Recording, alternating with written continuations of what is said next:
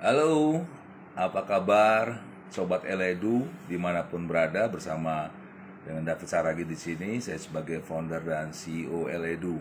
Yes, hari ini kita akan belajar di manajemen uh, series kelas ya yang dibawakan oleh saya sendiri di channel Eledu ini.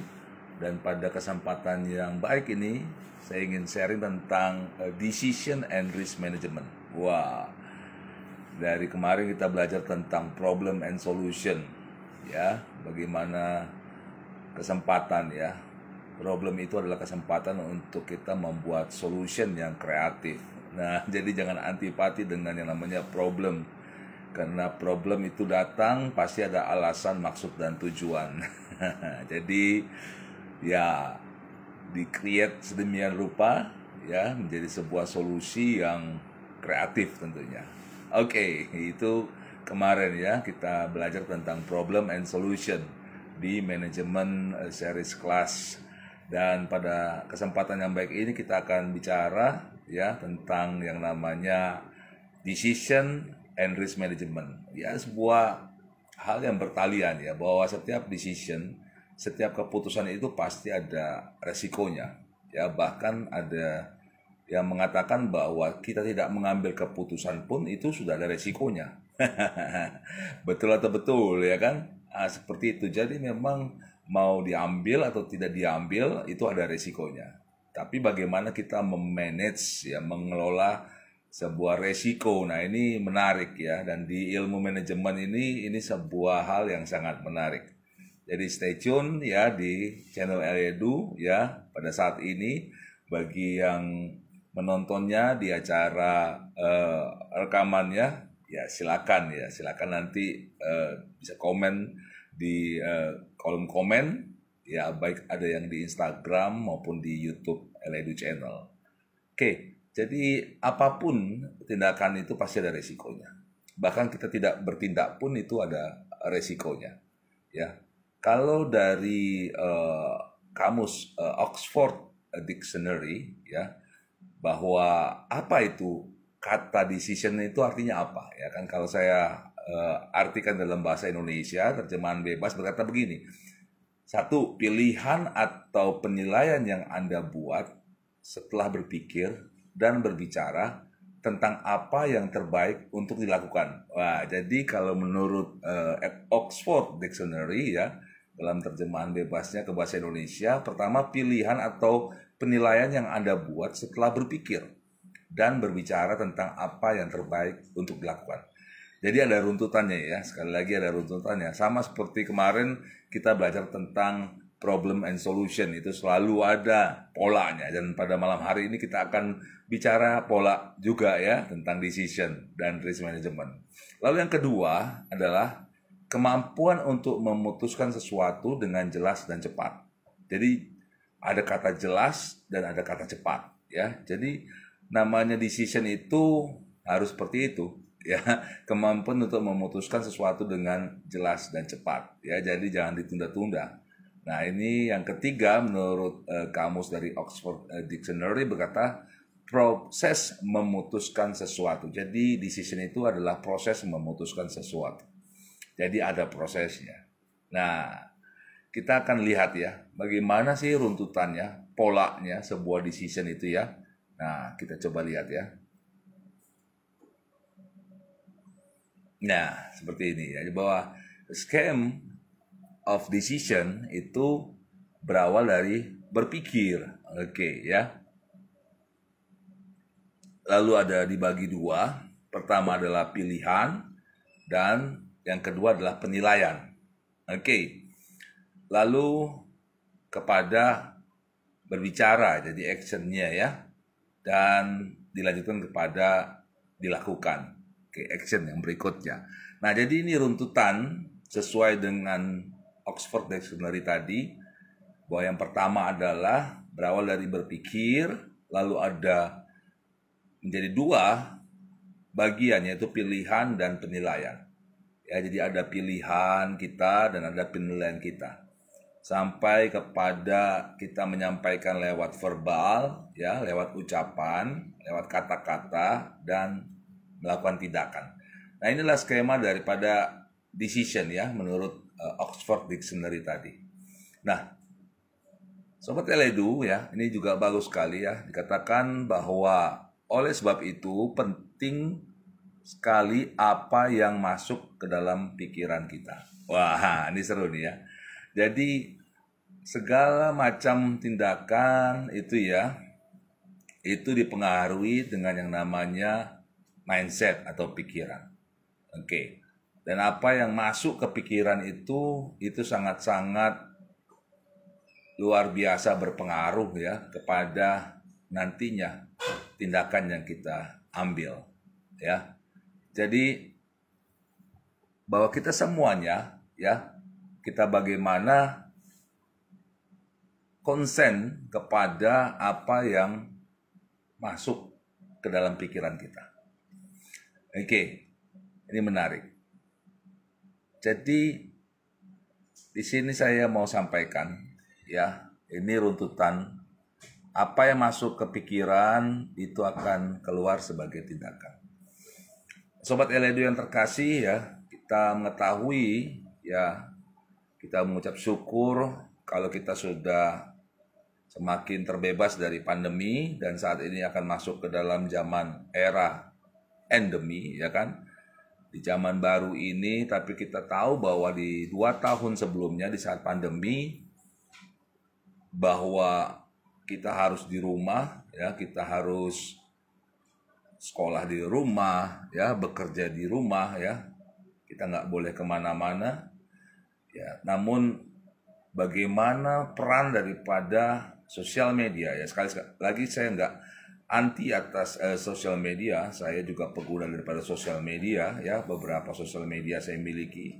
Namun acap kali ya yang tadinya kita itu hendak mengatur sosial media itu ya seperti gambar yang ada di kanan itu yang paling atas warna merah bagaimana harusnya jari kita itu yang mengontrol semua sosial media yang kita miliki di aplikasi uh, di uh, handphone kita. Namun acap kali sekali lagi kita lah malah dikendalikan oleh sosial media tersebut sehingga kita akhirnya terjerembab ya kepalanya masuk ke dalam tanah gitu kan ya dan foto yang dibawa sangat miris ya bagaimana di situ anak-anak ya yang terkena dampak seperti cyberbullying ya kan dan itu sangat mengerikan sekali ya e, dibandingkan dengan cyber yang e, dengan bullying yang e, langsung pun itu tidak kalah tidak kalah menyeramkan ya cyberbullying itu dan akhirnya terjadi depresi, stres dan lain sebagainya. Jadi apa yang masuk e, lewat mata kita, telinga kita dan yang kita rasa, yang kita raba ya, yang kita kecap, itulah yang masuk ke dalam pikiran kita. Dan pikiran itu ya saat-saat ini, apalagi di saat pandemi kemarin itu sangat eh, banyak sekali kita ada di dalam dunia sosial media, ya, dan itu mempengaruhi sekali tindakan kita. Dan kita tadinya mau mengatur semua, menjadi kontrol atas sosial media tersebut, tapi kita malah terjerembab ya di dalam uh, dunia sosmed itu sendiri. Dan akhirnya jadi depresi dan stres dan lain sebagainya.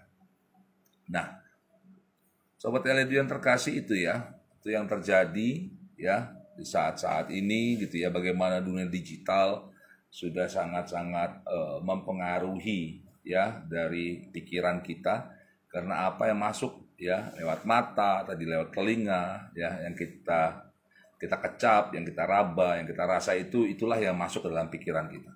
Nah, kalau dilihat kembali bahwa runtutannya seperti ini, ya. Jadi di atas itu ada perubahan pikiran, ya. Itu menghasilkan tindakan, tindakan menjadi kebiasaan, habit, lalu terbentuklah karakter. Dan karakter itu menentukan masa depan. Nah, itu terus berputar ya, continued seperti itu. Jadi uh, seperti uh, apa yang disampaikan tadi oleh gambar yang sebelumnya, ketika media sosial itu masuk ya kita nggak menyaring ya, kita nggak menyaringnya untuk masuk ke dalam pikiran kita itu jadi tindakan kita selanjutnya. dan selanjutnya tindakan-tindakan-tindakan akan jadi kebiasaan dan kebiasaan-kebiasaan akan terbentuklah karakter. Nah, jadi bisa dibayangkan apa yang ditonton ya, apa yang dinikmati ya, bukan hanya kepada kita tapi kepada anak-anak kita ya, kepada istri, suami ya, orang tua, keluarga kita itu sangat-sangat mempengaruhi tindakan mereka. Karena apa yang masuk ke pikiran itulah yang nanti menjadi tindakan. Tindakan menjadi kebiasaan, kebiasaan menjadi karakter, dan karakter adalah menentukan masa depan. Nah, jadi contoh kasusnya seperti ini ya. Sebelum saya masuk lebih dalam tentang decision dan juga risk management, contoh kasusnya seperti ini. Jadi ada dua ya, ada satu uh, sebelah kiri, satu sebelah kanan, di mana uh, bagaimana karakter ya. Ini kita bicara kebalik ya tadi ya. Ini langsung kepada karakternya dia. Karakternya dia ada ada seorang yang berkarakter itu suka telat gitu ya. Lalu ada satu lagi itu karakternya sangat disiplin. Kalau kita melihat ke bawah ya kan, itu rupanya terjadi karena kebiasaan ya karakter si orang yang suka telat itu karena kebiasaannya ya bangun siang ah kayak gitu ya lalu karakter yang orang yang disiplin itu punya kebiasaan adalah dia bangun pagi dengan bugar gitu ya. Lalu orang yang pertama ya dia punya kebiasaan bangun siang kalau dilihat tindakannya itu terjadi karena dia sering tidur larut malam ya. Dan kalau yang punya karakter disiplin ya dan punya kebiasaan bangun pagi, dia punya tindakan itu tidurnya cukup. Nah, lan, dan lanjut ya dari e, tindakan ya itu sebelumnya adalah e, pikiran. Nah, karakter yang suka telat, orang yang suka telat tadi rupanya dirunut ke bawah ya suka memikirkan yang tidak perlu. jadi ya itu yang mengakibatkan dia jadi tidurnya jadi larut ya. Dan eh, sedangkan karakter orang yang disiplin dia berpikir ya selalu dengan pikiran yang eh, benar ya positif mindset ya kan dia memikirkan yang baik ya memikirkan yang mulia memikirkan hal-hal yang benar, yang sedap dipikirkan. Jadi akhirnya dia mempunyai tindakan yaitu tidurnya cukup. Nah, dan semuanya itu kalau dirunut lagi ke bawah itu tergantung kepada apa yang masuk dalam pikiran masing-masing orang tersebut. Jadi contoh kasus yang sepertinya sederhana tapi inilah uh, core ya kalau bisa dikatakan uh, apa yang masuk ke pikiran itu yang menjadi uh, tindakan, tindakan, tindakan, tindakan menjadi kebiasaan dan kebiasaan, kebiasaan, kebiasaan menjadi karakter. Nah, kita tentu berharap kita memiliki karakter yang baik ya, yang ada di sebelah kanan, karakter yang disiplin. Oke, ada juga ya, ini saya dapat sebuah uh, dua buah quote ya. Jadi pertama kapal tidak tenggelam karena air di sekelilingnya kapal tenggelam karena air yang masuk ke dalamnya. Wah, ini luar biasa ya. Jadi dikatakan di quote ini adalah kapal tidak tenggelam karena air di sekelilingnya. Kapal tenggelam karena air yang masuk ke dalamnya. Janganlah biarkan apa yang terjadi di sekelilingmu masuk ke dalam pikiran dan memberatkanmu. Wah, jadi ini ini adalah e, contoh tadi ya, orang yang ada di sebelah kiri tadi. Sampai-sampai dia susah tidur, ya kan, dan akhirnya sering telat, ya kan, dan akhirnya dia dicap memiliki karakter yang kurang disiplin. Oke, lalu ada seorang jenderal ya, admiral ini namanya William H. McRaven. Beliau mengatakan demikian, ubah dunia mulai dengan merapikan tempat tidur kamu tidak akan pernah bisa menyelesaikan hal-hal yang besar ketika hal-hal kecil saja kamu tidak mampu untuk menyelesaikannya. Mulailah dari merapikan tempat tidurmu. Wah, jadi dia melakukan speech ya ketika dia sudah pensiun dan dia menyampaikan ini dan dia membuat sebuah buku juga yang namanya Make Your Bed. Ya, ini buku yang laris ya dari seorang admiral namanya William H. McRaven. Jadi bagaimana dia kalau mau mengubah dunia mulai dari merapikan tempat tidur.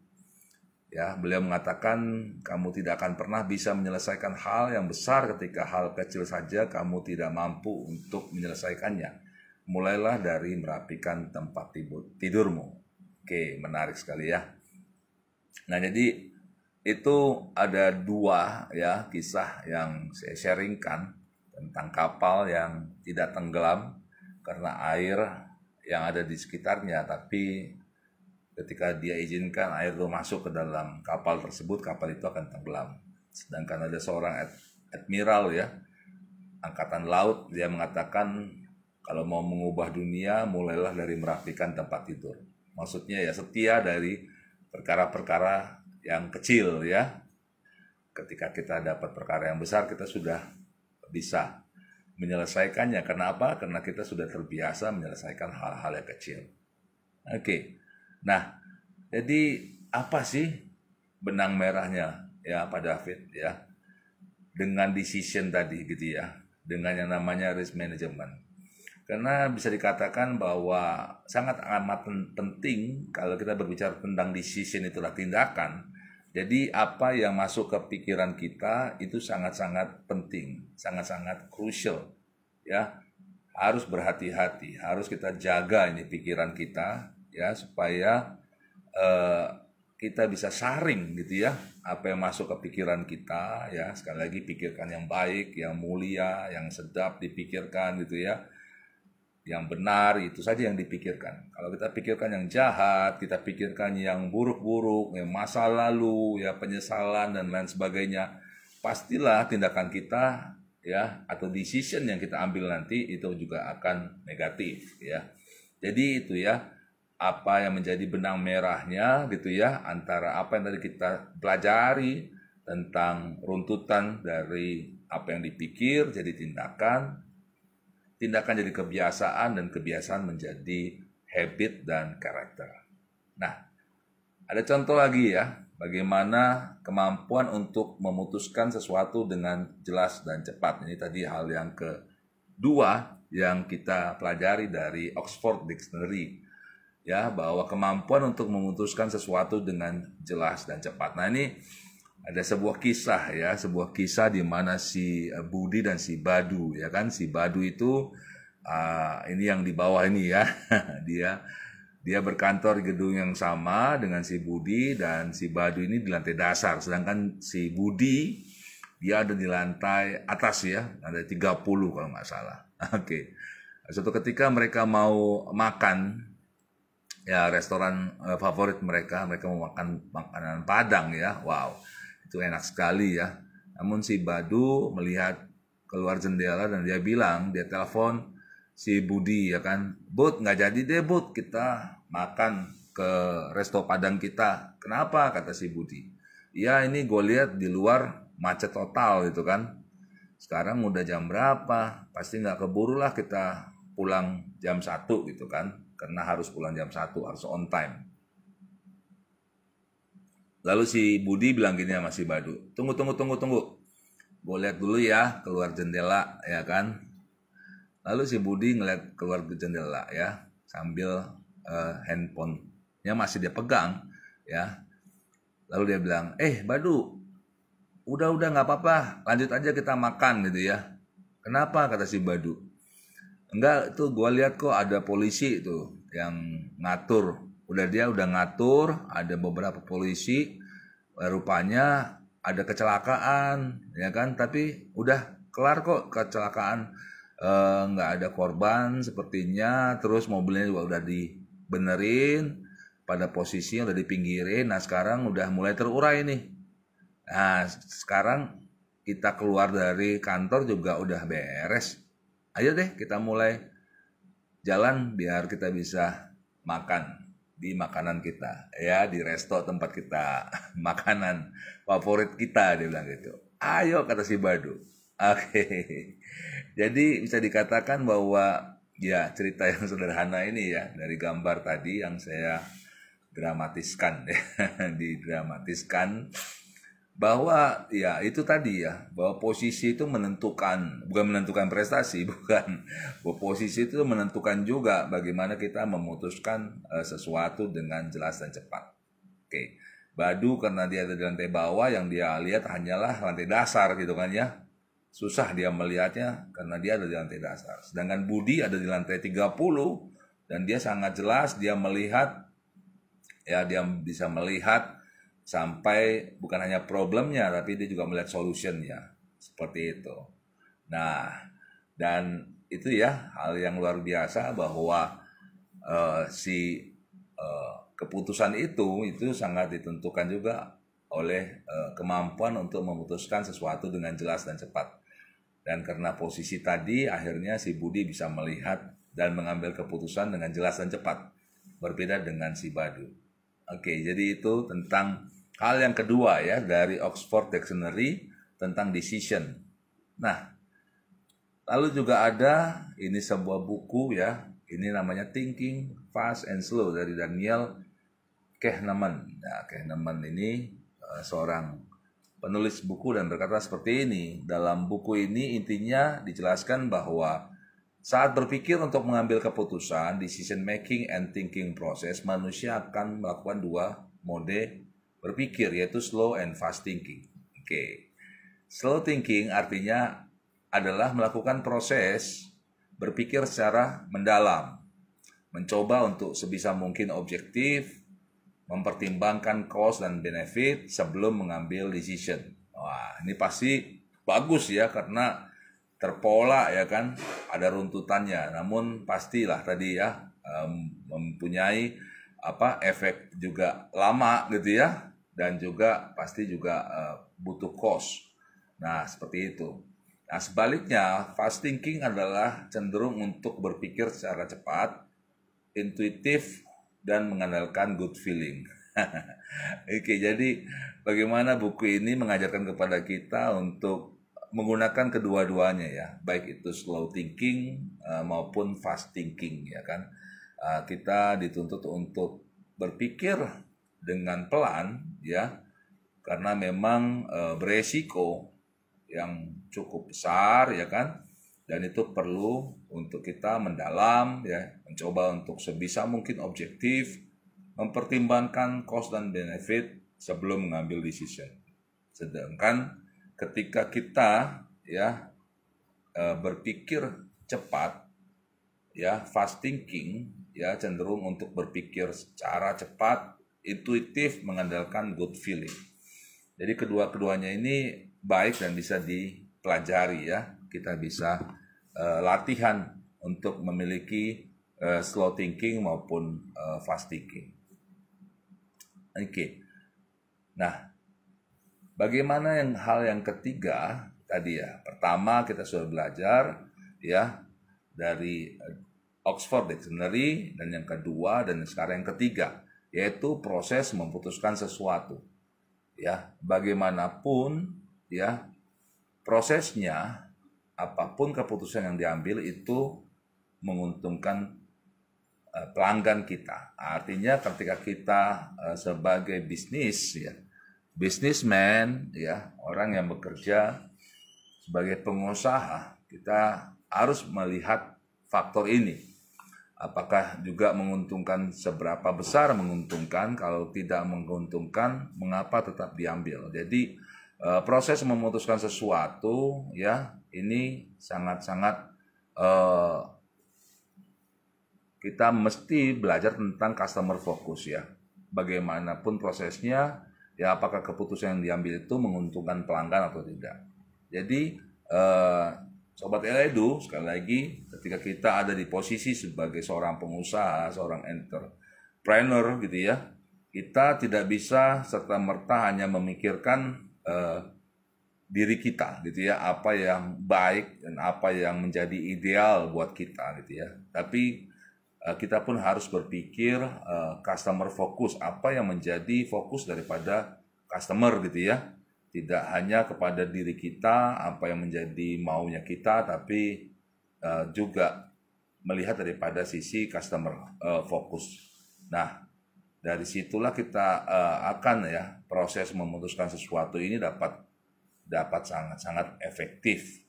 Nah, jadi ada ada yang saya catat di sini ya ada lima hal. Yang pertama adalah mempererat kolaborasi internal ya bagaimana dalam uh, tempat usaha ya kita itu memiliki kolaborasi internal yang baik ya. Tidak ada yang namanya uh, stand alone ya. Uh, tidak ada yang namanya stand alone stand alone tapi semuanya itu harus berkolaborasi satu sama lain. Dan yang kedua adalah membuat pelanggan merasa didengar. Jadi bagaimana uh, communication ya kan uh, kepada pelanggan ini sangat-sangat penting. Dan yang ketiga adalah menggunakan kritik dan saran dari pelanggan. Ya. Jadi jangan antipati dengan kritik juga atau dari saran pelanggan ya kan, tapi harus ditanggapi dengan baik sehingga itu menjadi hal yang sangat luar biasa ya. Kita akan mengerti fokusnya pelanggan seperti apa. Dan yang keempat menggunakan data dan empati ya. Jadi tidak jadi robot ya hanya by data gitu ya tapi juga memiliki empati ya. Sisi humanismenya tetap ada. Dan yang kelima adalah gunakan banyak channel ya. Banyak sekali ya. Sekarang juga sosial media bisa kita gunakan ya. Tapi pertanyaan saya apakah itu ditanggapi atau tidak gitu kan?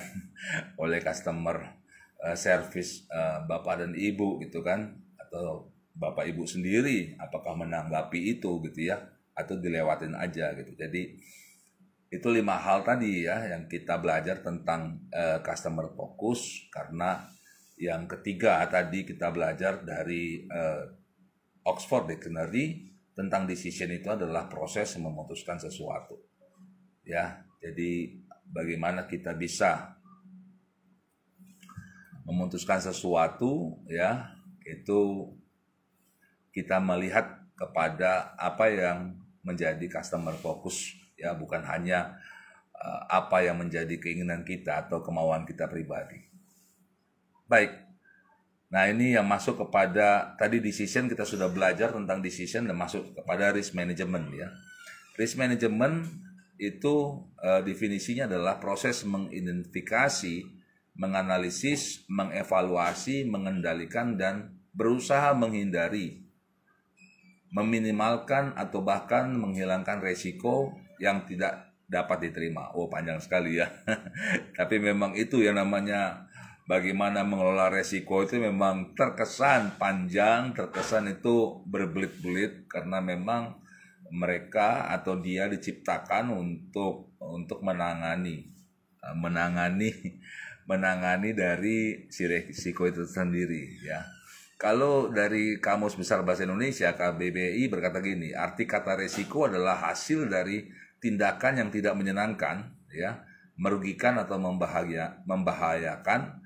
Ketidakpastian ini bisa dalam bentuk ancaman, pengembangan strategi, dan mitigasi resiko. Jadi bisa dikatakan bahwa ya itu ya, bahwa resiko uh, itu pasti ada, ya seperti tadi yang di awal saya katakan kita mengambil decision atau kita tidak mengambil decision pun ada resikonya. Jadi bagaimana kita bisa uh, tidak salah ya mau mengambil atau tidak mengambil kita butuh yang namanya risk management. Kita butuh yang namanya pengelolaan resiko itu sendiri. Oke. Nah, ini ada hal yang saya mau sharingkan ya sedikit tentang bagaimana kita mengelola resiko dengan baik gitu ya. Ini ada uh, sebuah uh, sistem ya ataupun sebuah cara yang efektif ya saya lihat adalah PDCA ya. Plan, do, check, action adalah metode yang umum yang digunakan untuk mengendalikan mutu, meningkatkan atau perbaikan proses bisnis atau memecahkan masalah. Oke, jadi metode ini dipopulerkan oleh uh, Edward Deming, bapak pengendali kualitas modern sehingga sering disebut juga sebagai siklus Deming. Jadi metode ini sangat masih sangat relevan ya Bapak Ibu ya, sobat Eledu. Bahkan ya mau perusahaan besar, perusahaan kecil, startup pun masih menggunakan daripada metode ini. Ya, bagaimana untuk melakukan uh, pengelolaan resiko ini sangat-sangat efektif ya, masih sangat-sangat ampuh sekali ini metode. Oke, okay. tadi saya katakan tentang pertama adalah P ya, itu adalah plan ya. Nah, plan adalah tahap perencanaan yang dimulai dengan identifikasi masalah. Oke, okay? menggunakan teknik 5W dengan teknik root cause analysis. Pada tahap ini, buatlah hipotesis masalah dan tujuan yang harus dicapai agar hasil yang diinginkan dapat terwujud. Oke, sebelum melanjutkan proses ke tahap berikutnya, pastikan tim sudah mengetahui masalah utama yang perlu diselesaikan, sumber daya yang dibutuhkan, untuk menyelesaikannya, sumber daya yang tersedia saat ini solusi terbaik untuk perbaikan masalah dengan sumber daya tersebut dan terakhir metrik atau parameter apa yang digunakan untuk mengukur keberhasilan perbaikan. Jadi teman-teman sobat Eledu bahwa level 1 aja udah panjang ya, yaitu plan gitu ya. Tapi ya itu lagi kembali lagi bahwa itulah yang namanya risk management. Bagaimana kita mesti banyak sekali uh, apa banyak sekali hal-hal yang harus kita buat karena kita akan menghadapi resiko. Nah, lalu yang kedua adalah do ya. Di do ini tahap PDCA ini kita harus mulai menjalankan hal-hal yang telah direncanakan. Meliputi pengujian skala kecil untuk mengukur hasil dari solusi yang cukup dirancang pada tahap pertama. Carilah mana solusi yang paling baik dan apakah hal tersebut bisa memberikan hasil sesuai dengan tujuan yang diinginkan. Pada fase ini masalah yang tidak diperkirakan mungkin terjadi. Oleh karena itu lebih baik mengguna, menjalankan rencana dengan skala kecil terlebih dahulu di lingkungan terkendali. Agar tahap do menjadi lebih sukses, lakukanlah standarisasi agar semua orang yang terlibat. Dalam proses benar-benar tahu tugas dan tanggung jawabnya dengan baik. Jadi singkat nya seperti ini bahwa uh, kita sudah membuat rencana tapi di tahap dua ini banyak uh, surprise. Banyak hal-hal yang mengejutkan ya kan? Jadi kita siap-siap saja untuk hal-hal yang uh, tidak terpikirkan ketika kita membuat rencana oke dan yang ketiga adalah cek ya di proses cek ini merupakan fase yang paling penting untuk memperbaiki rencana menghindari kesalahan terulang dan menjalankan semuanya dengan sukses. Oleh karena itu, fase ini harus dilakukan dengan benar-benar teliti. Seperti namanya, proses cek dilakukan untuk mengaudit eksekusi rencana dan melihat apakah sudah sesuai dengan rencangan awal. Permasalahan yang terjadi pada fase 2 akan dievaluasi di tahap ini dan harus berhasil dieliminasi. Proses do dan cek bisa dilakukan berulang-ulang hingga hasilnya sesempurna mungkin. Jadi sobat Eledu di proses yang ketiga ini cek ini kita harus uh, raja tega ya. raja tega dalam arti ketika kita menemukan sesuatu kita harus tega untuk membuangnya atau mengeliminasinya. Oh sayang Pak ya, tapi ketika kita melakukan cek itu tidak berguna, itu tidak efektif ya buat apa? What for? Jadi ya silahkan dalam tahap, tahap ini atau fase cek ini memang benar-benar kita eh, benar-benar teliti untuk melihat mana yang jalan, mana yang tidak. Dan yang ketiga adalah act ya. Di fase ini seluruh aspek proses telah diperbaiki berdasarkan evaluasi dari fase do dan cek yang mengidentifikasi masalah dalam eliminasi rencana. Implementasi rencana. Fase act merupakan yang terakhir dari siklus PDCA akan tetapi seluruh prosesnya akan berulang lagi secara berkelanjutan. Setelah tahap ini, model PDCA yang telah dikembangkan akan menjadi standar proses baru sebuah sekolah atau institusi atau perusahaan. Ketika prosesnya berulang, cobalah untuk selalu melakukan perbaikan. Setelah mulai melakukan implementasi PDCA, pastikan kamu ya Bapak Ibu, Sobat Eledu berkomitmen untuk melakukan perbaikan berkelanjutan untuk meningkatkan produktivitas dan efisiensi. jadi itu yang keempat dan terakhir dari PDCA ya bagaimana uh, sudah diplankan, dilaksanakan ya kan lewat do tadi dan dicek ya kan, diperiksa dan ini adalah di act ya.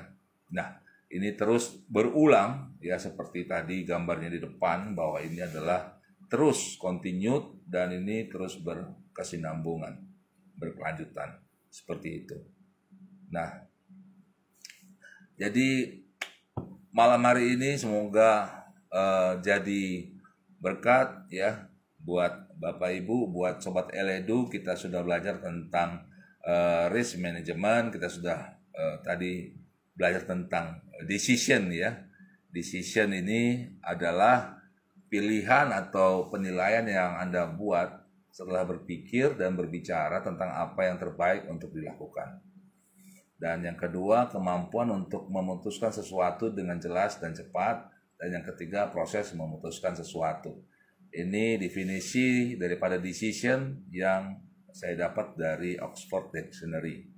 Dan yang kedua ya tentang eh, tadi kita belajar tentang scam of decision ya, mulai dari berpikir ya, lalu menjadi pilihan dan penilaian dan berikutnya dikatakan ya atau dibicarakan dan dilakukan.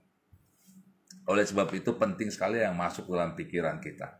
Kita sudah belajar tadi tentang apa yang masuk dalam pikiran jadi tindakan, tindakan, tindakan, tindakan jadi kebiasaan, kebiasaan, kebiasaan, kebiasaan menjadi uh, karakter dan masa depan. Oke, okay. dan bagaimana kita memutuskan ya kemampuan untuk memutuskan sesuatu dengan jelas dan cepat. Lalu bagaimanapun prosesnya, apakah keputusan yang diambil itu menguntungkan pelanggan kita? Kalau menguntungkan seberapa besar? kalau tidak menguntungkan mengapa tetap diambil. Jadi itu pentingnya kita ketika mengambil suatu keputusan pun sebagai pengusaha misalkan kita tidak bisa serta merta hanya menginginkan apa yang terbaik menurut kita, tapi kita harus juga melihat daripada customer focus. Lalu yang ketujuh, manajemen resiko adalah proses mengidentifikasi, menganalisis, mengevaluasi, mengendalikan, dan berusaha menghindari meminimalkan atau bahkan menghilangkan resiko yang tidak dapat diterima. Dan kedelapan PDCA tadi ya kita sudah belajar adalah metode yang umum yang digunakan untuk mengendalikan mutu, meningkatkan atau perbaikan proses bisnis atau pemecahan masalah. Ada banyak sekali metode-metode yang lain di luar sana, tapi pada Eh, malam ini izinkan saya untuk share tadi ya tentang PDCA ya plan do uh, check dan act. Nah, jadi itu masih relevan dan masih banyak eh, perusahaan-perusahaan yang besar bahkan yang sekelas startup menggunakan daripada metode tersebut ya PDCA. Nah, itu dari saya David F. Saragi sebagai founder dan CEO dari Eledu ya pada kesempatan yang indah ini tadi saya sudah berbagi tentang decision, saya sudah berbagi tentang yang namanya uh, risk management.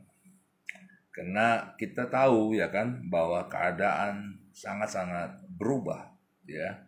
Sesudah pandemi banyak sekali yang berubah, baik itu secara personal, baik itu secara corporate gitu ya.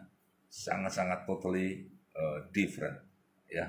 Apalagi dengan banyaknya juga masalah-masalah internasional yang saat ini terjadi ya. Masalah-masalah nasional yang juga yang terjadi saat ini itu pasti ya mau nggak mau itu mengubah ya. Dan ya seperti seorang ahli juga berkata ya kalau kita tidak berubah kita akan punah.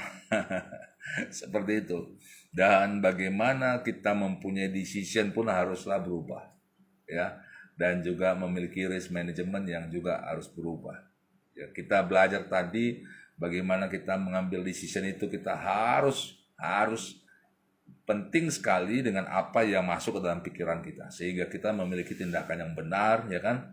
Tindakan yang benar itu lama-lama menjadi uh, kebiasaan dan kebiasaan itu menjadi karakter kita ya dan bagaimana tadi kita juga sudah belajar tentang risk management ya kan yang begitu banyak runtutannya ya tapi pada malam hari ini saya menyampaikan tentang PDCA gitu ya, sebuah hal yang yang yang bisa dikatakan uh, cukup menarik ya kan. Ya, kalau dibilang sederhana juga tidak ya, panjang juga runtutannya tapi bisa dikatakan sangat sangat-sangat efektif dan masih relevan sampai sekarang. Ya silahkan dipelajari dan saya harap pada kesempatan malam hari ini di kelas ya manajemen kelas series kita dari Eledu ya dengan judul Decision dan Risk Management ini bisa menjadi berkat buat kita semua. Baik, Bapak Ibu, Sobat Eledu semuanya, terima kasih untuk waktunya. Terima kasih untuk perhatiannya, baik yang live tadi maupun nanti yang melihatnya di rekaman di Instagram maupun di YouTube. Silakan beri Eh, komentar di kolom ya dan terima kasih bagi yang sudah menyimaknya dan sekali lagi saya berdoa ini menjadi berkat bagi sobat Elido semua. Terima kasih. Keep on growing and never give up. Tetap semangat. Salam sehat. Maju terus. God bless. Thank you.